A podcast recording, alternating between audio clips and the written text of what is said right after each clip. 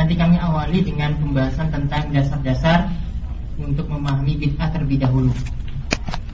Ya, karena kalau dasar-dasar ini tidak dipahami, langsung kita melompat ke bahasan bid'ah, nanti takutnya keluar dari sini malah jadi orang yang bersikap keras. Karena orang dalam memahami bid'ah itu ada dua kelompok. Ada orang yang terlalu remehkan tentang masalah bid'ah ini sampai-sampai katakan sedikit-sedikit bid'ah terus, bid'ah terus. Ya, karena ya sering disalahin. Namun dari dari satu sisi sebenarnya kalau kita tuh disalahin ini sebenarnya ini sebenarnya jalan untuk kita tuh memperbaiki diri. Karena ada kisah dari Ibnu Hazm. Ibnu Hazm itu dia baru belajar sampai dia jadi ulama besar seperti saat ini dia itu baru belajar ketika umurnya itu 26 tahun. Ya, umurnya berapa tahun? 26. Uh, eh, dia datang pernah datang ke suatu masjid. Ketika itu uh, pokoknya ada suatu sebab yaitu di antara teman dari bapaknya itu meninggal dunia. Kemudian dia terlebih dahulu masuk masjid sebelum asar. Dan keyakinan atau mazhab yang ada di lingkungan Ibnu Hazm itu katakan bahwasanya sholat tahiyatul masjid itu wajib. Sholat tahiyatul masjid itu wajib. Ibnu Hazm datang masuk masuk masjid langsung duduk. Ya langsung duduk. Ditegur. Bok kamu ini kalau masuk masjid itu jangan duduk, berdiri. Ya, ketika itu langsung dinasihati seperti itu ada nasihati yaitu seorang guru di situ kemudian dia berdiri. Kemudian setelah itu dia keluar pergi melaksanakan uh, pokoknya posisi jenazah dia ikut hadir di situ. Kemudian kembali lagi ke masjid setelah asar. Setelah asar kan waktu terlarang untuk sholat ya. Sebagian ulama itu berpendapat bahwasanya di waktu terlarang untuk sholat seperti ini itu juga ya termasuk sholat itu masjid juga nggak boleh. Langsung setelah sholat asar datang ke masjid langsung kan tadi kan kalau masuk masjid di Surabaya sholat itu masjid datang sholat itu masjid sudah sampai rokok, ada yang tegur. Eh ini waktu terlambat untuk sholat, kenapa kamu sholat? Sekarang kamu duduk lagi. Dari situ itu berpikir, kalau orang cerdas kan berpikir di salah selain terus, tadi saya datang tadi suruh berdiri, suruh sholat. Karena saya balik lagi, ingin sholat, disuruh duduk. Kalau Ibn berpikir, ya sudah kalau gitu pada saya disalah-salahin terus gimana? Yang mending saya itu belajar. Akhirnya prinsipnya seperti itu. Dia tanya kepada orang-orang sekitar Di mana sini ulama besar yang saya bisa belajar? Kemudian dia belajar dari ulama tersebut. Akhirnya dia menjadi ulama besar seperti saat ini. Yang kita tahu. Ya, itu artinya apa? Kalau kita disalah-salahin juga Itu sebenarnya harus jadi cambuk untuk kita Untuk apa? Belajar. Nah itu orang yang pertama tadi Kelompok yang pertama. Kita kembali tadi Orang yang terlalu bersikap meremehkan Kemudian yang kedua ada yang terlalu bersikap keras. Yang dapat katakan bersikap ekstrim. Sampai-sampai hal yang itu sebenarnya tidak termasuk bid'ah, dia masukkan bid'ah. Ini ada yang cerita bahwasanya satu saat ya ada kumpul-kumpul ini pada minggu pertama ditawari makan ya ditawari makan Kemudian ada orang-orang pakai sendok. Dia nggak setuju, ada nggak setuju. Dia bilang, wah itu bid'ah ini kayak gini. Nabi Muhammad nggak pernah pakai sendok. Pas minggu depan, ya kalau tadi itu masih bisa pakai sendok. Minggu kedua yang datang ini, ya bawa sop, bawa soto, disajikan soto. Nah, pas minggu kedua ini, dia nggak mungkin kan makan pakai masa sotonya panas-panas ya kan dia sikat pakai tangan kan mustahil ya kan Akhirnya ketika itu ya yang tidak mau yang harus pakai pakai sendok juga. Tadi kemarin bilang bid'ah sekarang ternyata pakai sendok juga. Ya artinya sembahyang biasanya bilang bid'ah. Ini ada orang yang artinya terlalu bersikap ya terlalu keras lah dalam masalah ini. Oleh karena itu seperti dikatakan oleh ulama salaf al ilmu imamul amal wal amalu tabi'uhu. Yang namanya ilmu itu adalah pemimpinnya amalan dan yang namanya amalan itu nanti di belakangnya.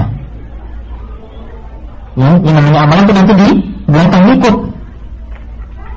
Oleh karena itu agar kita tidak bersikap tadi terlalu meremehkan dan tidak terlalu keras, maka yang sikap baik di sini adalah pertengahan. Ini kita dapat dengan apa?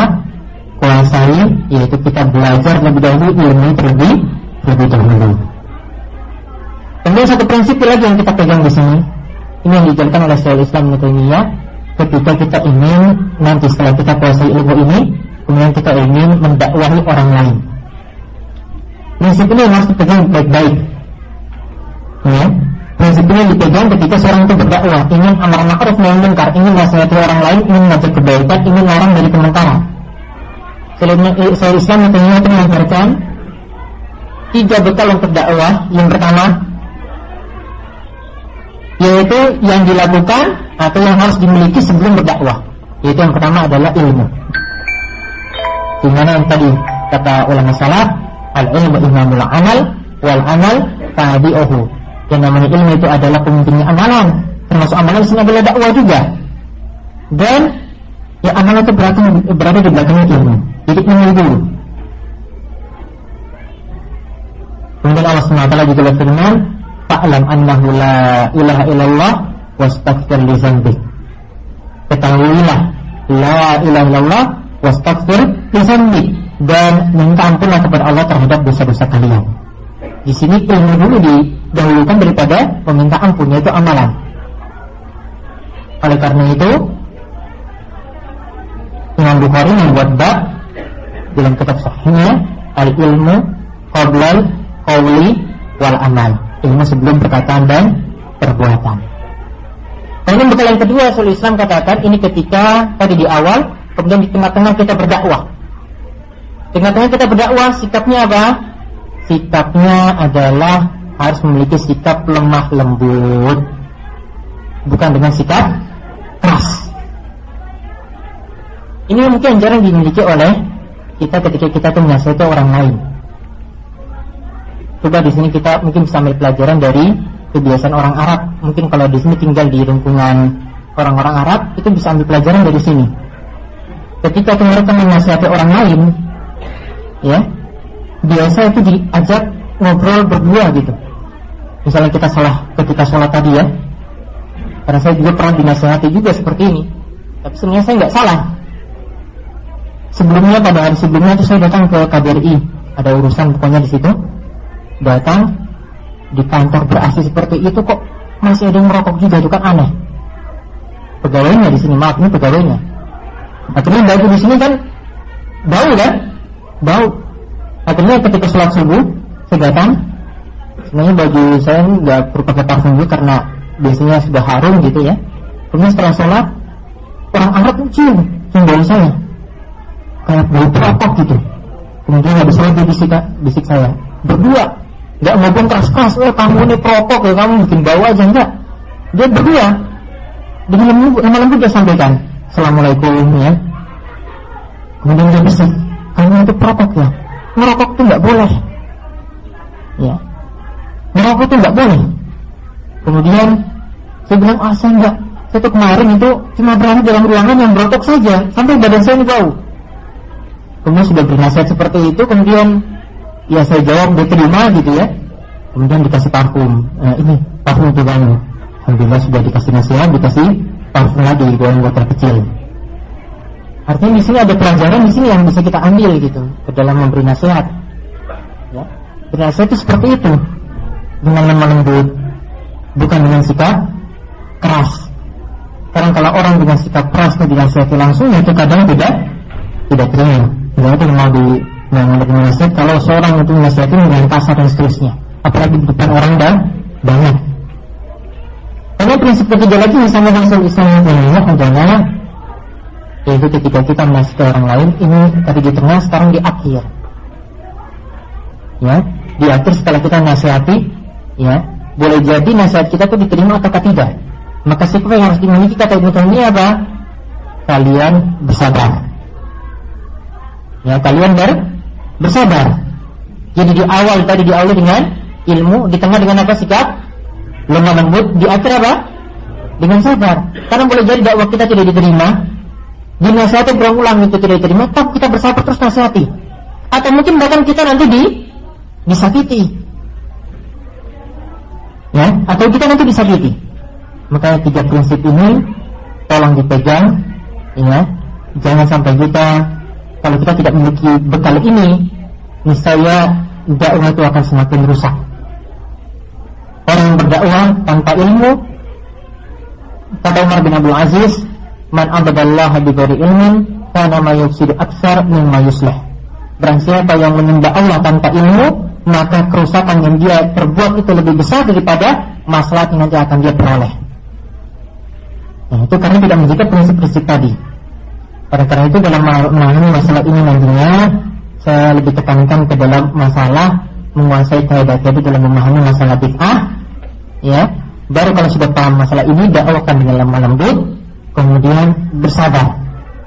Namun kalau dakwah kita tidak diterima ya maka kita bersabar dalam masalah tersebut. Tentang masalah ini kita perlu ketahui beberapa dasar terlebih dahulu.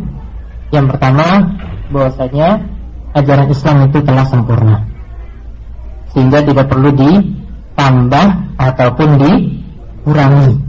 Sehingga Allah Subhanahu wa taala berfirman dalam surat Al-Maidah ayat 3, "Al-yawma akmaltu lakum dinakum wa atmamtu 'alaikum ni'mati wa raditu eh, lakum al-Islam madinah." Pada hari ini telah kusempurnakan. Kalau sudah sempurna berarti tidak perlu di, ditambah. Ya, Aku telah sempurnakan untuk kamu agamamu dan telah kucukupkan nikmatku bagimu dan aku rela Islam itu menjadi agamamu. Nah di sini dikatakan oleh Ibn Abbas radhiyallahu anhu yaitu Ibn Abbas itu mengatakan yang langsung artinya saja ya, yaitu Allah telah menyempurnakan Islam sehingga umat Islam itu tidak perlu lagi menambah ajaran yang ada dari Rasul Shallallahu Alaihi Wasallam tidak perlu menambah ajaran tersebut ada dan selamanya. Dan Allah pun telah membuat ajaran Islam itu telah sempurna dan tidak perlu juga di, dikurangi, tidak perlu juga dikurangi selamanya abadan. Kemudian Allah juga telah ridho dengan ajaran Islam sehingga tidak boleh ada seorang pun itu merasa murka atau merasa tidak suka dengan ajaran tersebut. Nah tentang ayat ini juga dikatakan oleh Imam Malik rahimahullah. Imam Malik itu mengatakan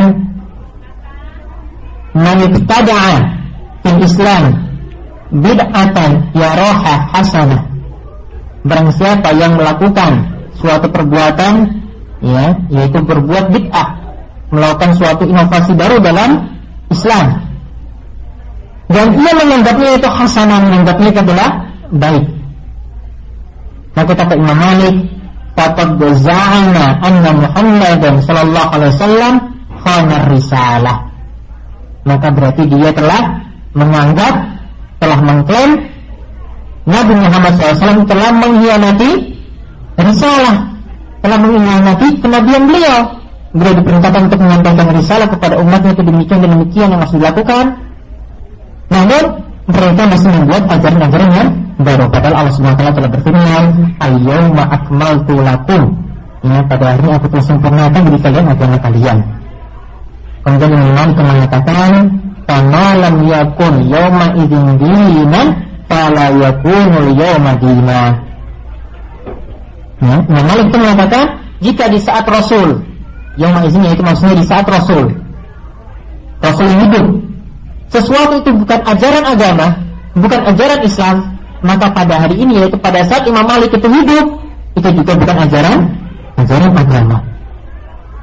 Ketika di masa Nabi SAW, Nabi SAW tidak pernah melakukan sholat seperti itu. Atau contohnya, tidak pernah melakukan azan ketika memasukkan mayat ke dalam kubur. Sebagian tempat seperti itu ya. Ketika mayat masuk dalam kubur, ada yang azankan. Kalau ketika mayat dalam kubur apa yang dianjurkan? Membaca apa? Baca apa? Salawat? Hah? Bismillah Ala minati Rasulullah Itu yang diajarkan oleh Nabi SAW bukan dengan penanda azan. Ketika di masa Nabi SAW tidak ada sahabat yang melakukan seperti itu. Nabi SAW meninggal mereka masukkan mayitnya ke dalam kubur, itu tidak pernah melakukan seperti itu. Maka ketika ini juga itu juga bukan ajaran. Jadi tidak boleh kita berbuat sesuatu yang baru lagi ketika itu. Dalam masalah dunia kita buat inovasi baru terserah. Membuat tadi ada yang banyak dari pabrik eh, sabit ya. Ada sini banyak dari sabit. Tasnya banyak ya. Sabit tadi tasnya apa bidangnya? Produksi apa? Polietilen. Dari apa? Dari etilen. Etilen dari mana? Hmm? Di zaman Nabi SAW ada nggak buat seperti itu? Nggak ada. Dalam masalah dunia membuat inovasi apa pun itu boleh terserah. Ya, yang dalam masalah dunia terserah mau buat etilen jadi polyethylene, polyethylene diolah lagi nanti plastiknya nanti dirubah nanti tambah editif, tambah macam-macam terserah monggo silakan. Tapi dalam masalah agama tidak boleh ada inovasi baru. Kalau dalam ajaran dalam, dalam masalah dunia semakin baru teknologinya itu semakin canggih. Tapi dalam masalah agama semakin kuno ajarannya itu semakin semakin bagus, semakin kuno. Artinya ya sesuai dengan ajaran Nabi Sallam paling dulu ajaran ini. Ya, itu yang lebih bagus. Kalau dalam masalah dunia apa? Semakin bagus teknologinya, ya. Sekarang HP bisa cuma sentuh-sentuh aja mau dijilat juga bisa, bisa bergerak layarnya. Ya itu paling bagus. ya, itu paling bagus. Kok bisa orang sentuh-sentuh gini sudah di hari kok sudah bisa muncul gitu ya. Nah, itu paling bagus. Itu dalam masalah dunia. Perlu ada inovasi baru, monggo silakan. Tapi dalam masalah agama tidak boleh ada inovasi inovasi baru semakin kuno itu prinsip dalam masalah agama semakin kuno itu semakin semakin bagus nah ini prinsip yang perlu kita ketahui terlebih dahulu bahwasanya ajaran Islam telah sempurna kemudian kita melangkah selanjutnya tentang pengertian bid'ah pengertian bid'ah di sini kita bagi menjadi dua. Ada pengertian dilihat dari sisi lughah bahasa. Dia jadi bahasa Arab. Bid'ah kalau diartikan itu adalah sesuatu yang baru yang tidak ada contoh sebelumnya. Ya sesuatu yang baru dan tidak ada contoh se sebelumnya.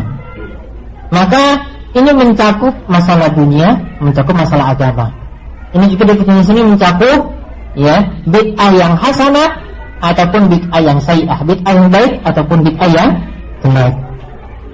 Definisi ini, definisi ini lebih luas. Dalilnya tentang masalah ini seperti kita dapat melihat dalam firman Allah Subhanahu wa taala, "Badi as-samawati wal ard." Ya. Badi di sini kalau diturunkan nanti jadi kata bid'ah. Allah yang membuat-buat artinya Allah yang mencipta langit dan bumi. Ada enggak yang menciptakan sebelumnya? Tidak ada. Nah itu di antaranya. Dan ini kita dapat melihat definisi secara bahasa ini yang artinya tadi adalah sesuatu yang baru atau yang dibuat-buat tanpa ada contoh sebelumnya. Ini kita dapat melihat dari perkataan Umar bin Khattab ketika itu Umar bin Khattab menghidupkan kembali jamaah sholat tarawih kemudian beliau mengatakan al bid'atu hadhihi atau dalam riwayat yang lain dikatakan ni'matul bid'ah hadhihi sebaik-baik bid'ah adalah ini. Kok dikatakan sebaik-baik bid'ah adalah ini? Apa maksudnya? Para ulama katakan itu adalah definisi secara bahasa. Karena ketika itu Umar baru menghidupkannya. Walaupun di masa Nabi SAW itu sudah ada. Ya, di masa Nabi SAW sudah ada. Kemudian Nabi SAW tidak menghidupkannya lagi karena dikhawatirkan sholat tarawih itu kalau beliau hidupkan terus itu dianggap wajib sehingga beliau putuskan ya kemudian di masa Umar bin Khattab kemudian karena orang-orang yang melakukan sholat tarawih itu ada yang berkelompok-kelompok dengan imam yang berbeda kemudian uh, Umar bin Khattab menjadikan sholat tarawih itu dipimpin oleh satu orang imam kemudian dia mengatakan seperti tadi. Ini definisi bahasa. Begitu juga definisi bahasa ini seperti yang dikatakan oleh Imam Syafi'i. Ya seperti yang dikatakan oleh Imam Syafi'i. Imam Syafi'i itu mengatakan al bid'ah bid'atan. Bid'ah itu ada dua macam. Bid'atun mahmudah wa bid'atun wa bid'atun mazmumah. Yaitu bid'ah yang terpuji Ya, dan bid'ah yang masmumah, bid'ah yang tercela. Apa yang dimasukkan di sini? Yang dimasukkan di sini adalah bid'ah secara bahasa.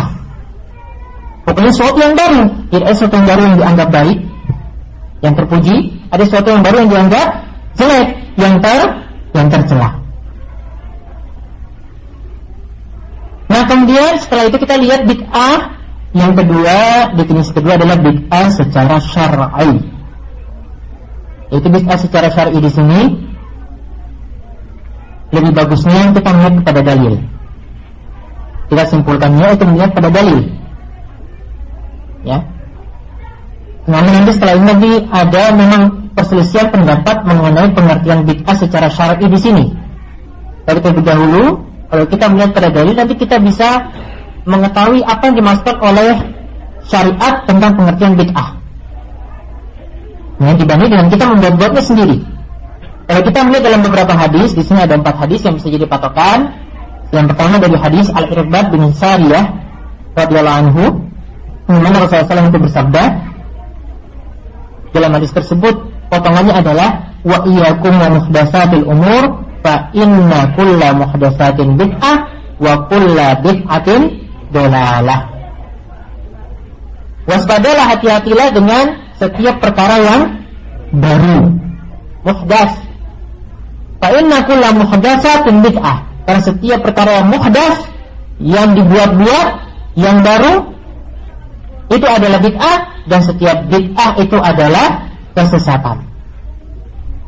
Yang semisal ini juga dalam hadis Jabir bin Abdullah di mana Nabi SAW itu bersabda, Amma ba'du fa inna khairal hadis kitabullah wa khairul huda huda Muhammad wa syarrul umuri muhdatsatuha wa kullu bid'atin dolalah.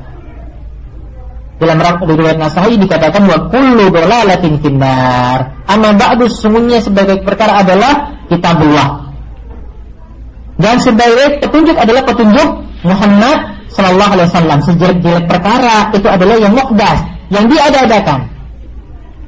Dan setiap bid'ah itu adalah sesat. Dalam riwayat An-Nasai dikatakan wa kullu dolalatin finnar. Wa kullu dolalatin finnar setiap kesesatan tempatnya di neraka.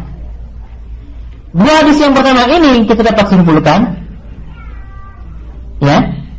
Ada yang disebut di dalamnya yaitu ada kata muhdas sesuatu yang dibuat-buat atau sesuatu yang baru yang kita tarik pertama dulu definisinya. Ya. Jadi bid'ah itu adalah sesuatu yang yang baru atau yang dibuat-buat. Namun di sini ada kita lengkapi lagi dengan melihat hadis yang lainnya, yaitu dari hadis Aisyah radhiallahu anha dalam riwayat Bukhari dan Muslim. Nabi SAW itu bersabda, "Man ahdatsa fi amrina hadza ma laysa minhu Barang siapa yang membuat suatu perkara baru dalam agama ini yang tidak ada asalnya. Yang malaysa minhu, yang tidak ada asalnya atau tidak ada dalilnya. Fahuwa raddun, maka amalan tersebut tertolak. Dalam riwayat Muslim, yaitu Nabi SAW bersabda, ini sama juga dari Aisyah, Man amila amalan laisa alaihi amruna fahuwa raddun Barang siapa melakukan suatu amalan Laisa alaihi amruna Yang bukan ajaran kami Yang bukan termasuk ajaran kami Maka amalan tersebut tertolak.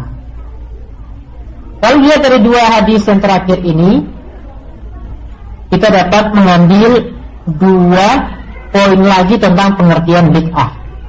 Tadi yang pertama tadi Yang dari hadis Irkat bin eh, dan hadis Jabir kita simpulkan pengertian bid'ah itu adalah sesuatu yang muhdas, sesuatu yang baru. Kemudian kalau lihat dari hadis ini lagi kita lihat Nabi SAW katakan di amrina haza dalam urusan agama kami. Berarti bid'ah itu termasuk dalam urusan apa? Yang di bid'ah yang tercela ini adalah jika dalam masalah agama. Bukan dalam masalah dunia. Ya, bukan dalam masalah dunia. Jadi definisi yang umum tadi dalam pengertian bahasa itu sudah dikhususkan di sini ini cuma dalam masalah agama saja. Jadi kita tidak katakan HP itu bid'ah, kita tidak katakan komputer itu bid'ah, kita tidak katakan pabrik polyethylene tadi bid'ah, tidak. Karena di sini sudah dikhususkan, ini khusus dalam masalah apa? Masalah agama.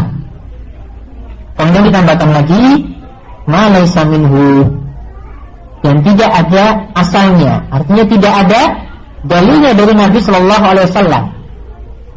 Tidak ada dalilnya, ini berarti menunjukkan tambah poin lagi satunya di sini, yaitu bid'ah di sini adalah sesuatu yang baru dalam masalah agama. Ditambah lagi yang ketiga adalah dalam masalah agama yang tidak ada dalil yang menunjukkan atau yang mendukung baik secara umum ataupun secara khusus. Jadi tidak ada dalil pendukung secara umum maupun secara khusus. Nah, kesimpulannya tentang definisi ini ya tentang definisi bid'ah ini kita mencakup tiga syarat tadi. Jadi mencakup tiga syarat tadi berarti mukdas sesuatu yang baru bid'ah atau sesuatu yang baru. Kemudian yang kedua tadi apa? Dalam masalah agama yang ketiga tidak didukung oleh dalil. Maka kita katakan secara ringkas pengertian bid'ah adalah ma ahdatsa fid din min. Sesuatu yang baru atau yang dibuat-buat dalam masalah agama tanpa adanya dalil. Maka kalau kita tarik tadi sesuatu yang baru, ya, berarti kalau sesuatu yang bukan baru sudah ada sebelumnya, berarti misalnya sholat lima waktu itu sudah ada zaman Nabi SAW kita lakukan sholat lima waktu sana, sana di saat ini berarti bukan bukan bid'ah kemudian fiddin dalam masalah agama. Berarti perkara-perkara dunia itu bukan bid'ah. Ya perkara-perkara dunia itu bukan bid'ah. Yang dimaksudkan dalam masalah agama di sini boleh jadi dia melakukan suatu amalan tersebut untuk takarub kepada Allah Subhanahu wa taala tapi tidak menggunakan syariat Nabi Muhammad SAW atau dia beribadah keluar dari syariat buat-buat sendiri. Atau ada bid'ah yang sifatnya itu nanti mengantarkan pada bid'ah yang lebih besar. Nah, kemudian di sini tambahkan lagi tanpa adanya dalil. Jadi kalau ada dalil pendukung, seperti misalnya sholat tarawih tadi, ini pernah dilakukan oleh Nabi SAW di zaman beliau. Namun Nabi SAW tidak merutinkan, merutinkannya. Maka ini menunjukkan bahwasanya sholat tarawih itu bukan bid'ah ketika kita melakukannya sekarang ini. Nah, itu bukanlah bid'ah. Kemudian bisa tambahkan lagi tentang pengertian, ya, tidak adanya dalil di sini tentang kita itu adalah sesuatu yang tidak ada dalilnya. Berarti kalau ada dalil di sini dari sahabat, misalnya yang ada dalil dari sahabat azan kedua sholat Jumat, itu baru dihidupkan di masa siapa? Azan kedua sholat Jumat di masa Utsman, ya, di masa Utsman. Namun yang melakukannya di sini adalah seorang sahabat Khulafaur Rasyidin. Padahal kita diperintahkan juga untuk selain mengikuti sunnah Nabi SAW juga kita diperintahkan untuk mengikuti ajaran Khulafaur Rasyidin. Yaitu Nabi SAW itu bersabda dalam hadis Irbad bin Sariyah, "Wa'alaikum bisunnati wa sunnatil khulafa'ir rasyidin al-mahdiyyin." Ya, berpegang teguhlah dengan sunnahku dan juga sunnah khulafa'ur rasyidin al-mahdiyyin. Ya, jadi ini ajaran yang kita juga diperintahkan. Berarti azan kedua salat Jumat juga di sini bukan bid'ah. Karena ada dalilnya itu dalilnya dari para sahabat dan kita diperintahkan untuk mengikuti sunnah sahabat. Nah ini secara ringkas seperti itu bahwasanya yang namanya bid'ah pengertiannya adalah yang dimaksudkan dengan bid'ah secara syar'i artinya bid'ah yang dicela dalam berbagai macam hadis itu adalah ma'ah din min ghairi dalil sesuatu yang dibuat-buat dalam masalah agama tanpa adanya da dalil. Nah, setelah itu kita akan membahas tentang pengertian tadi dikatakan kullu bid'atin dolalah setiap bid'ah adalah sesat. Sekarang kita menguasai poin ini terlebih dahulu yaitu sabda Nabi SAW kullu bid'atin dolalah setiap bid'ah itu adalah sesat. Nah tentang setiap bid'ah ini adalah sesat, ini kita dapat temukan sebagaimana tadi dalam hadis Jabir. Dalam hadis Jabir itu dikatakan Nabi SAW itu bersabda, wa syarrul umuri muhdatsatuha wa kullu bid'atin dolalah sebaik-baik eh, sejelek-jelek perkara itu adalah perkara yang dibuat-buat dan setiap perkara bid'ah itu adalah sesat. Di sini katakan kullu. Kullu artinya apa? Semua, setiap, semua. Tidak ada pengecualian, kecuali bid'ah hasanah enggak. Seluruh bid'ah itu adalah sesat. Begitu juga kita dapat melihat dalam hadis kalau tadi hadis Jabir, sekarang hadis Ibad dari Tabim Sariyah tadi sudah disebutkan juga. Itu Nabi SAW untuk bersabda dalam hadis tersebut. Dalam hadis tadi disebutkan wa muhdas wa iyyakum wa muhdatsatul umur fa inna kulla muhdatsatin bid'ah wa kulla bid'atin dalalah. Ya, hati-hatilah waspadalah dengan setiap perkara yang baru karena setiap perkara yang baru itu adalah bid'ah dan setiap bid'ah itu adalah kesesatan. Di sini kita digunakan kata apa? Kullu Kullu tadi artinya apa? Setiap semua. Begitu juga kita dapat melakukan bukan hanya dalam hadis. Para sahabat juga memahami dari Nabi SAW itu demikian.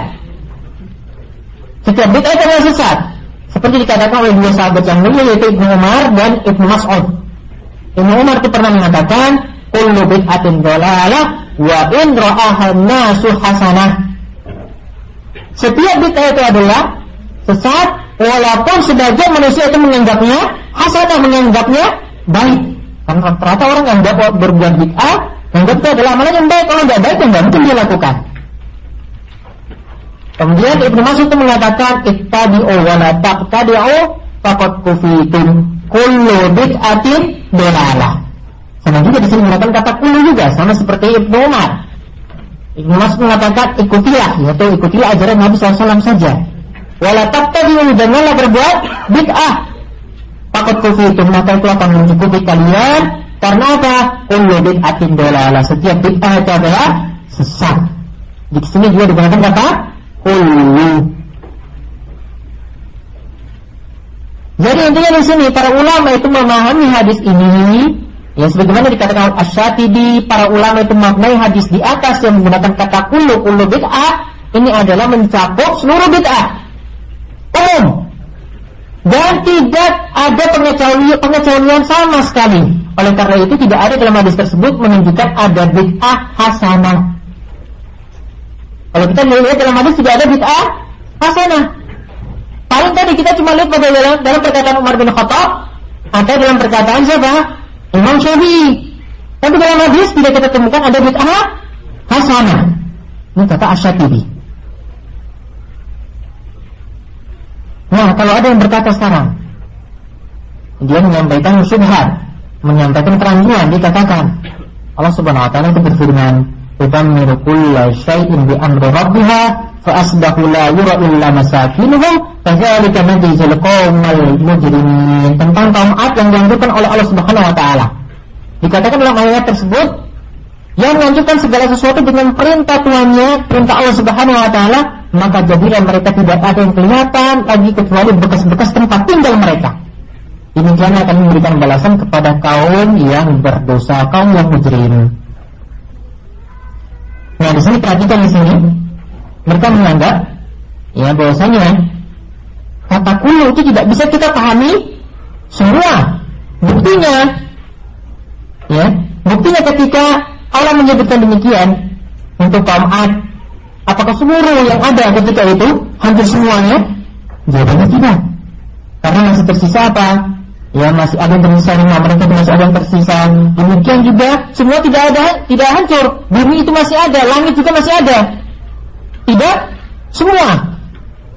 Maka kita jawab tetap maknanya itu semua, tapi apa?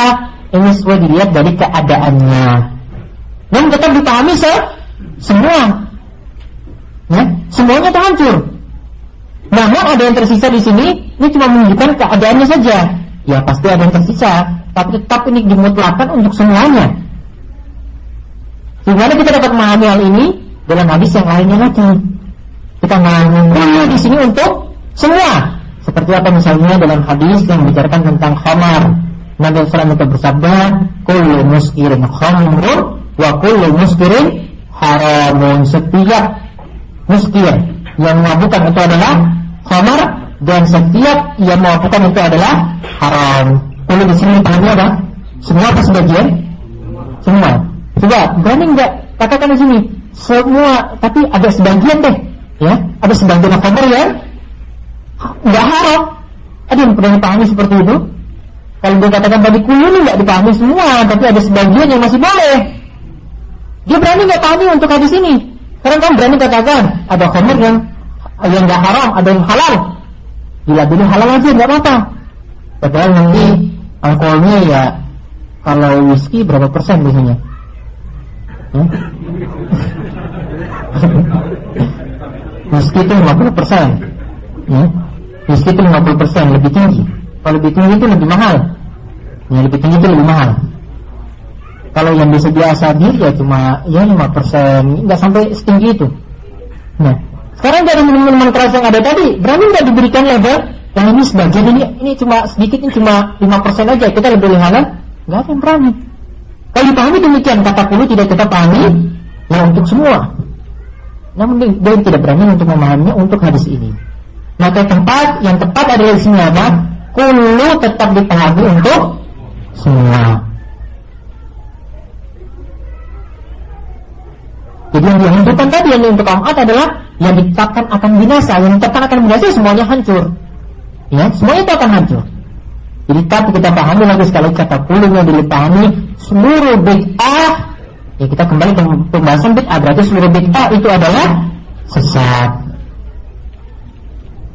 Nah sekarang bagaimana kalau begitu kita memahami perkataan dua imam tadi yaitu Umar bin Khattab, Khulafaur Rasyidin dan memahami perkataan Imam Syafi'i. Tadi dikatakan Imam uh, Umar bin Khattab itu mengatakan al bid'atu hazi. Dia katakan kalau sholat tarawih bid'ah adalah ini. Ya, anaknya juga Umar uh, anaknya anaknya Umar bin Khattab siapa namanya? Abdullah bin Umar ketika dikumandangkan azan kedua di masa Utsman Abdullah bin Umar juga mengatakan Wa bid'ah. Azan ketika apa? Azan ketika Azan kedua ketika sholat Jumat dikatakan apa? Oleh Ibnu Umar Wa bid'ah. Itu juga bid'ah. Disebut juga apa? Bid'ah. Sama pemahamannya seperti bapaknya. Itu juga yang dikatakan oleh Imam Syafi'i nanti kita bahas berikutnya. Nah kita bahas ini perkataan Umar di sini. Apa yang dimasukkan dengan perkataan Umar seperti diterangkan oleh Ibnu Rajab, juga diterangkan oleh ya Ibnu Taimiyah. Mereka pahami dengan cara yang bagus. Berusnuzon pada Umar bin Khattab. Ya, berusnuzon pada Umar bin, bin Khattab. Husnuzonnya apa? Jangan kita pahami bahwasanya Umar bin Khattab ini ingin membuat buat bid bid'ah dengan suuzon dulu. Pahami dengan cara yang baik. Masuk Umar itu bukan bid'ah yang dicela oleh Nabi Muhammad SAW. Kullu bid'atin dolalah, bukan. Yang maksud Umar di sini adalah bid'ah secara bahasa. Oleh karena itu, apa yang dihidupkan oleh Umar kemudian dikatakan bid'ah hadi atau anaknya katakan tadi huwa bid'ah, itu maksudnya adalah bid'ah secara bahasa. Ini adalah sesuatu yang baru. Azim kedua ketemu Jumat itu sesuatu yang baru. Tapi bukan sesuatu yang tercela. Nah begitu juga ketika kita pahami perkataan Imam Syafi'i juga sama. Sikap kita apa terlebih dahulu? Husnuzon atau suuzon? Husnuzon. Sikap kita kerana ulama seperti itu. Ya, Imam Syafi'i tadi katakan, ya, Imam Syafi'i itu punya perkataan albid albid atau nawain bid'atan. Bid'ah itu ada dua macam bid'ah mahmudah wa bid'ah madmumah. Bid'ah yang terpuji dan bid'ah yang tercela maka cara memahaminya itu seperti ini. Pertama kita lengkapi dulu perkataan Imam Syafi'i. Sehingga tahu apa yang dimaksudkan oleh Imam Syafi'i. Imam Syafi'i itu katakan ya lengkapnya ini seperti ini. Ini wajahnya disebutkan dikeluarkan oleh Abu Nuaim dalam kitabnya Al-Hiliyah ya dalam kitab tersebut Imam Syafi'i itu secara lengkap pun mengatakan al bid'ah bid'atan, bid'ah mahmudah wa bid'ah mahzumah. Bid'ah itu ada dua macam, ada bid'ah yang terpuja, ada bid'ah yang tercela. Kemudian dikatakan, "Fama wafaqa sunnah fahuwa mahmud, wa ma khalaqa sunnah fahuwa mazmum." Lengkapi perkataannya dengan titik sampai tadi. Nanti paham apa yang dimaksudkan oleh Imam Syafi'i. Jadi bukan saya kita kita pahami. Imam Syafi'i katakan ada bid'ah yang terpuji. Yang terpuji kayak, kayak gimana? Kita buat-buat oh ini bagus ya kayak gini ya ini berarti masuk bid'ah hasanah bid'ah yang terpuji. Enggak, tapi apa pahami juga dengan perkataan Imam Syafi'i. Apa dikatakan Imam Syafi'i selanjutnya? Yaitu sesuatu yang wafaq sunnah, yang mencocoki sunnah, yang mencocoki ajaran Nabi SAW maka dia adalah mahmud, sesuatu yang terpuji.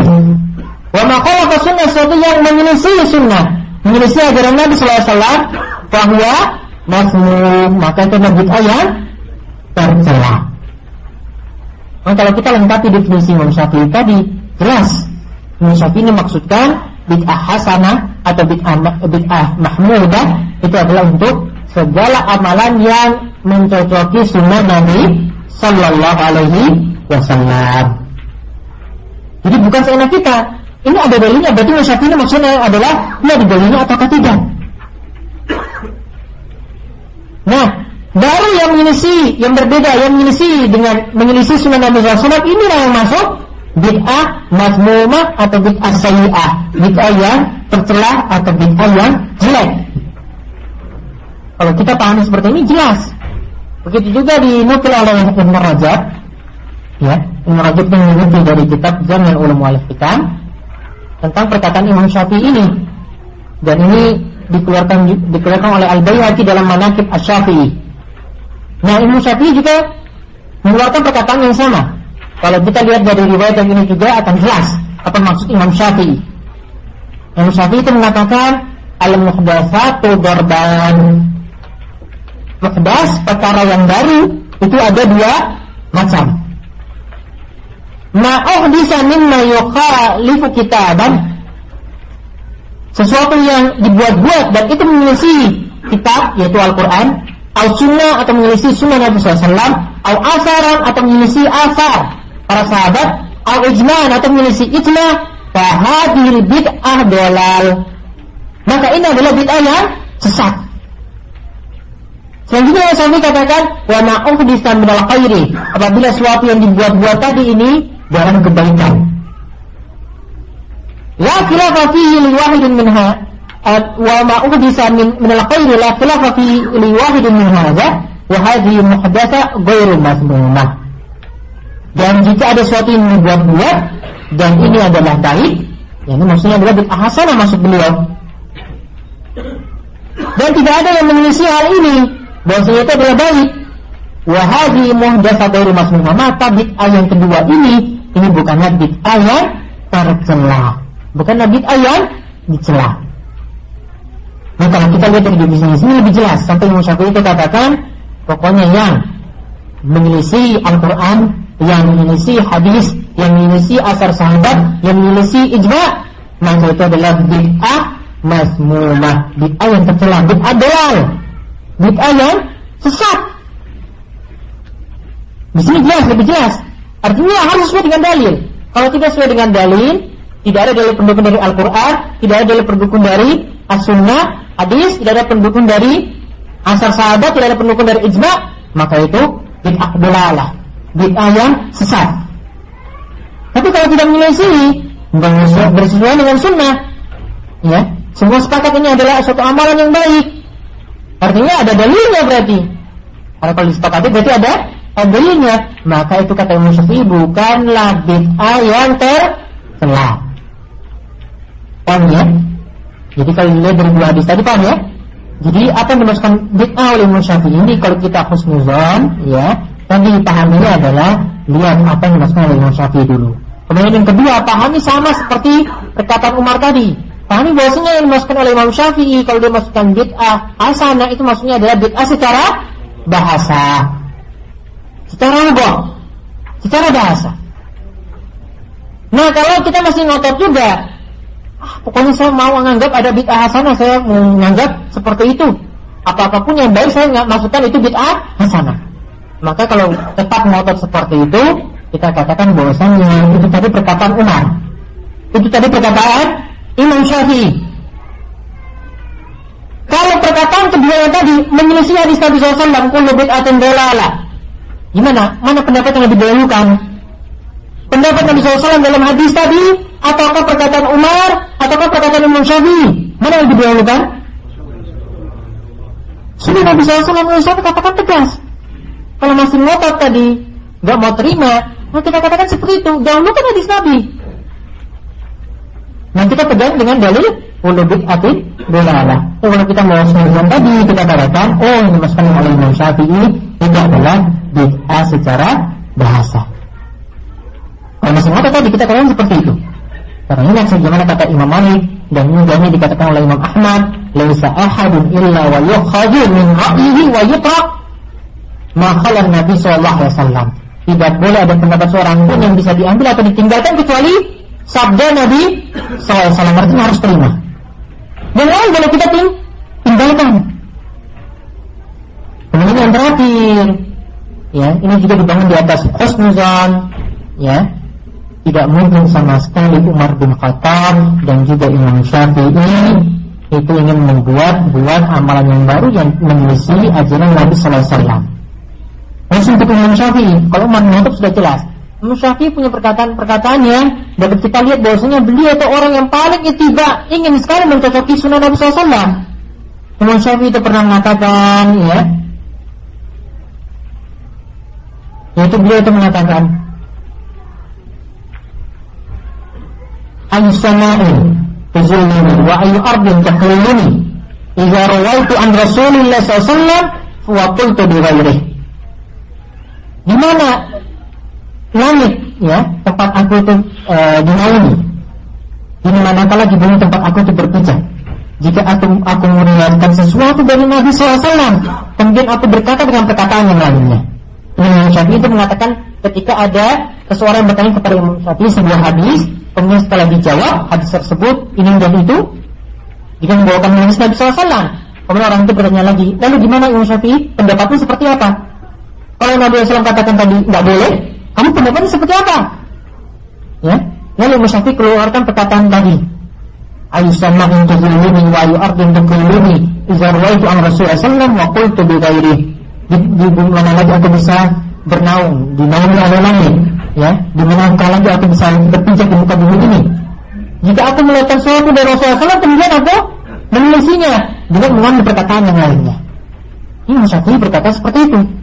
Begitu juga Musyafi'i itu mengatakan Iza wajadtum fi kitabi khilaf sunnati Rasulullah SAW faqulu bis sunnati Rasulullah SAW wa fi riwayatin fattabi'uha wa la taltafitu ila qawli ahadin Syafi'i mengatakan jika kalian itu mendapati dalam kitab sesuatu yang bertentangan dengan sunnah Rasulullah SAW.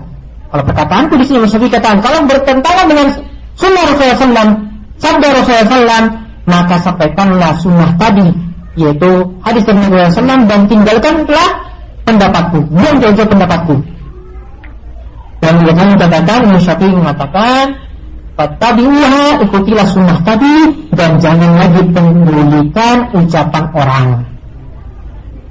Imam Syafi'i juga mengatakan, "Kullu hadisin an Nabi sallallahu fa qawli wa illam tasma'uhu minni." Setiap hadis dari Nabi SAW maka itulah yang jadi pendapatku walaupun kalian itu tidak mendengarnya langsung dariku. Ya, boleh jadi Imam Syafi'i itu keliru. Karena ingat sekali lagi, Imam Syafi'i itu bukan nabi. Tidak boleh kita sikapi Imam Syafi'i itu yang yang benar seluruhnya. Pokoknya Hambali yang keliru, Maliki keliru, Hanafi keliru, yang benar cuma siapa? Imam Syafi'i saja. Ini nggak benar, ini berarti menyikapi Imam Syafi'i seperti Nabi. Tentangnya, Ibnu Taimiyah itu mengatakan seperti itu. Kalau seseorang itu menyikapi, ya, seorang imam seperti tadi, ini berarti dia telah memposisikan imam seperti imam itu seperti Nabi Shallallahu Alaihi Wasallam yang boleh dijadikan seperti itu, ya, diambil pendapatnya saja. Itu Nabi Shallallahu Alaihi Wasallam. Jadi tidak boleh kita berkata seperti itu. Dan masih banyak sekali perkataan Syafi'i yang lainnya Di antaranya lagi adalah Iza sahal hadis madhabi Imam Syafi'i mengatakan Jika hadis itu maka itulah Pendapatku itulah mazhabku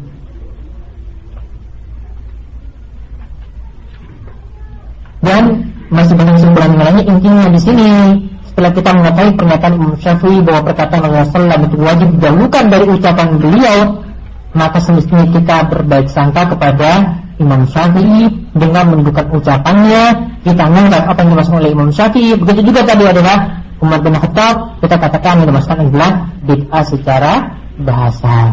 Kita sikap kita dalam musnuzan. Sehingga dengan demikian antara ucapan Imam Syafi'i bid'ah mahmudah atau bid'ah hasanah dan bid'ah mazmumah atau bid'ah sayyi'ah dan sabda Rasulullah setiap bid'ah atau sesat kalau kita husnuzan seperti ini maka tidak saling bertentangan.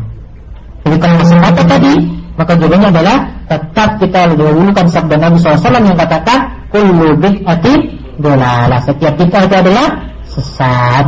Kalau kita husnuzan berarti pahami itu adalah bid'ah secara bahasa Begitu juga kita pahami bahwasanya kita cocokkan dengan perkataan Imam Syafi'i. Imam Syafi'i itu maksudkan itu apa? Imam Syafi'i katakan yang bersesuaian dengan Al-Quran, bersesuaian dengan hadis, bersesuaian dengan asar sahabat, bersesuaian dengan ijma, itulah bid'ah hasanah. Namun kalau sudah bertentangan, tidak ada lagi pendukung. Ya. Mau baca surat, nanti bayinya itu dalam kandungan sudah tujuh bulan, ya, istilahnya apa orang Jawa? Tujuh bulan apa istilahnya? Mitonin ya? Baca surat biar anaknya nanti bisa cakep. Baca surat apa? Usuk biar nanti cantik baca surat apa? Maryam ya. Anggap ini ajaran ajaran baik gitu ya. Ini masuk bid'ah sana ini Syafi'i masukkan seperti itu ini bid'ah sana enggak. Ada dalil yang mendukungnya. Tujuh bulanan itu ada dalil yang mendukungnya. Kemudian harus baca surat ini, surat Yusuf, surat Maryam, ada yang mendukungnya. Ada Al-Quran yang membicarakan hal ini, ada hadis yang membicarakan hal ini, ada asal dari sahabat yang pernah melakukan seperti itu, melakukan mitoni, baca surat-surat tadi. Ada ijma juga kata sepakat ulama dalam masalah tersebut. Kalau nggak ada berarti apa? Dengan jelas saling mengisi sunnah Nabi Sallallahu Alaihi Wasallam. Demikian dulu kita cukupkan. Nanti insya Allah kita lanjutkan sedikit pembahasan lagi tentang beberapa alasan sebagian orang dalam membela bid'ah. Kita akan kami sampaikan mungkin sekitar setengah jam dan setelah itu kita akan melanjutkan dengan cara lainnya. Subhanakallahumma bihamdika la ilaha illa anta astaghfiruka wa atubu ilaik. Assalamualaikum warahmatullahi wabarakatuh.